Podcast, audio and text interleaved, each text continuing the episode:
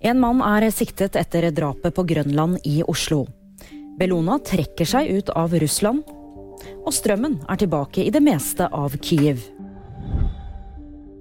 En mann er pågrepet og siktet for medvirkning til drapet på Grønland. Det var natt til søndag at en mann i 20-årene ble skutt og drept ved en T-banestasjon. To personer ble i formiddag innbrakt til avhør etter drapet, og en av disse har nå fått status som siktet. Miljøstiftelsen Bellona trekker seg ut av Russland. Det melder NRK. Det skjer etter at de har vært aktive i landet i over 30 år. Bellona-leder Fredrik Hauge sier krigen gjør det umulig å fortsette. Nesten hele Kyiv har nå fått tilbake strømmen. Det opplyser byens militære ledelse. Det skjer fire dager etter et russisk rakettangrep rettet mot viktig infrastruktur. Men det jobbes fortsatt med utbedringer på strømnettet, og høyt forbruk kan føre til lokale strømbrudd. Det var VG nyheter, og de fikk du av meg, Julie Tran.